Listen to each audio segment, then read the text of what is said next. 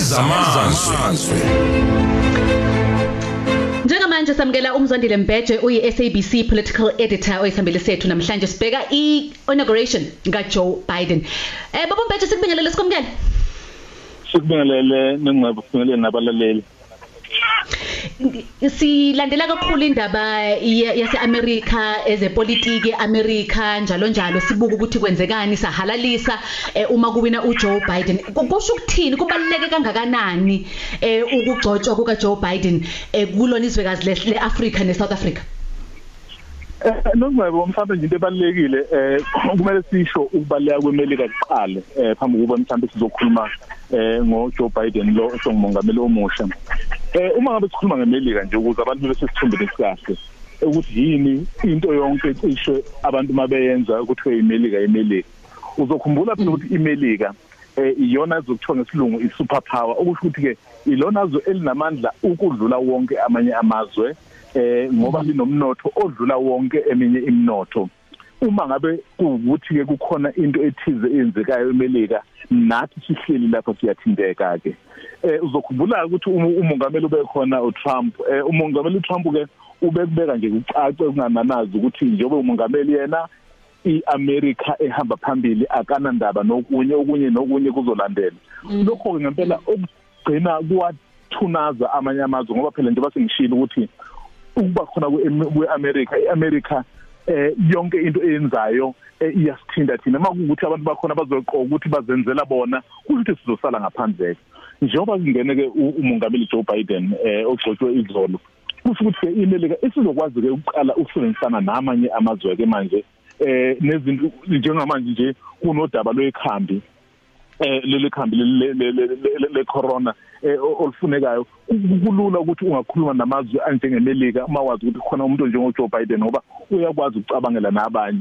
Kusho ukuthi ke indlela esizophila ngayo nemelika eh izothi ukuhluka.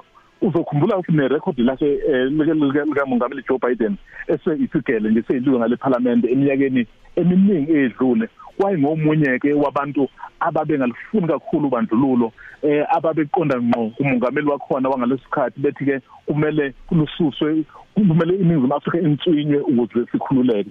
So thina njengabantu baseningizimu Afrika ekakhulukazi kumele ke sikumukele. Yebo naye uzolandela u- uzokwenzela abantu basemelika kodwa ke umuntu ongakwazi ukusilalela masikhuluma nonqeba Eh sike sabona ngesikhathi kungena uPresident Obama ngenxa yokuthi eh ubaba wakhe ko waseKenya. Kwaba khona ithemba lokuthi iAfrika izobekwa eqhulwini makubhekeleleka inkinga iAfrika ebhekene nazo kakhulu ngokufukulo kwemnotho yamazwe aseAfrika njalo njalo. Eh sabona ke futhi mase kungena u- uTrump izinto eziningi masikhuluma ngendaba ye climate change iParis Accord nje uzokhumbula ukuthi nalapho kwaba yinto ayibuka ngenye indlela yena. Kwathi makukhulunywa ngendaba ye coronavirus uthe mayingena nje u- u- uJoe Biden kwaba ukuthi into yokuqala isayinayo ukuthi am- emabhilidini ahulumeni makufakwe ama mask wafika uDonald Trump wafika wakha udonga lakhe lo dumo. Njalo njalo. Si- ziningi izinto nje kusho ukuthi iAmerica iyi super power eyithintekayo ngokuthi u- umholi walelizwe laseAmerica. I- yiziphi izinto yena athi ufuna zibe umgogodla eh, we- we- wezwe? Nansi ke iAgowa lesi ingxenye yayo amazwe e-sub-Saharan Africa ayingxenye yayo esevumela ukuthi sikwazi ukuthi sihwebe kalula neAmerica izinto ezifana nalezo ngabe mhlawumbe masibheka manje masibheka izinto ayimele uJoe Biden nomlando wakhe kwezepolitiki singazibona sibekeka eqhulwini sihlonipheka sithatheka njengamazwe anesisindo? Impela eh, into njengayisho mhlambe ke enye okubone okumele sibe siyicacise ukuthi em iAmerica em iyizwe elizibhekile lona kuqala. Nakuba lizobanaka abanye abantu kodwa liyizwe elizibhekile lona kuqala ke kuyehluka ke mangabe sokuya nabaholi em njoba uTrump yena bekushilo nje ukuthi cha eh asigcina ukuzwe ukuba yizwe lesi esiyibhekele kuphela. Kodwa futhi ke into esiyenza siyenzela thina. Umuntu njengo Biden naye eh angifuni mhlambe ukwedukisa abalaleli ngithi ke hawu ke iAfrika isizoba seqhulweni cha.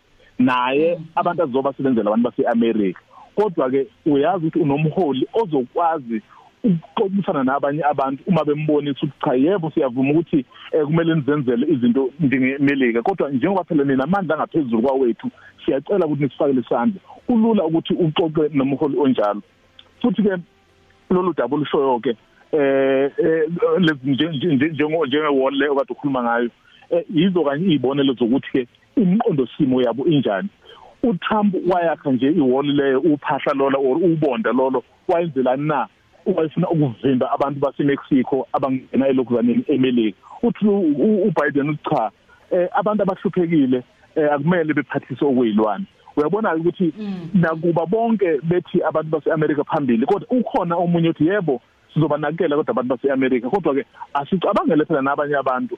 Kusho ukuthi ke umuntu onjengo njengo Biden kuzoba lula kumuntu njengomongameli Ramaphosa ukuthi ehlale phansi naye ukuthi cha eh, siyanibona ukuthi la eh nenza ukuthi sicela usizo olunjeni uzokwazi ukulalela lo muntu mhlambe befakane nemlomo kodwa ke bekunzima ukuthi ungenza leyo nto umuntu njengomongameli Trump ngoba uzokutshela ukuthi okay uma kuukuthi ayizukuhlomlisa iAmerica leyo nto khohlwa.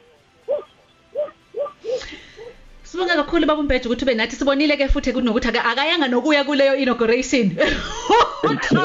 bekhona uGeorge Bush bekhona uObama bebahle benje bejabula behalalisa akafike yaka Trump. Uzo- kusestokfeleni.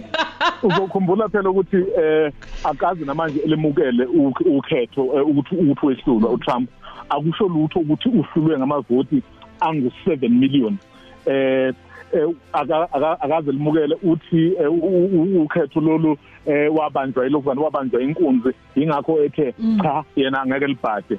Okusho ukuthini ke lokho wena ozeko vele inkomba seyikhombile ukuthi cha uyahamba uyolungiselela ukuthi ngo2024 uyabuya. Kodwa umbuzo omkhulu Ah. ke esesivala ukuthi eh kunophenyo lolo lwenziwayo ngalento ayenza ngabaholi bakhe ebethumela lapha elokuzaneni enhloko dolobha eh, yeCongress eParliament ukuthi bangena balokuzana bafike ba- ba- ba- bahliphiza Um- umbuzo ukuthi ngabe iParliament lizoqhubeka nokumphenya uma limphenya bese limthola enecala? Uma ke atholakala enecala ke kuyosho ukuthi ngeke esaba ukwazi ukuphinde eh, egaqele sobumongameli kodwa makukuthi ke abamtholanga enecala ngo2024 ngiyacabanga ukuthi uyabuya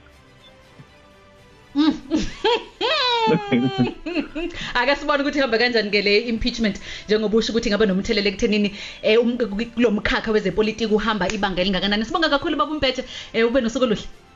sibonga kakhulu nokungabi nabalaleli Mzondile Mbheje SABC political editor sibheka yona ke inauguration ka Joe Biden mhla ka 20 eh January 2021 bekuyizolo kuthina kuthina basaliqhuba usuku bekuyizolo kithina bebekade ke becoba ngokusemthethweni Joe Biden umongameli omusha wase wase United States of America Kamala Harris ewu Madam Vice President.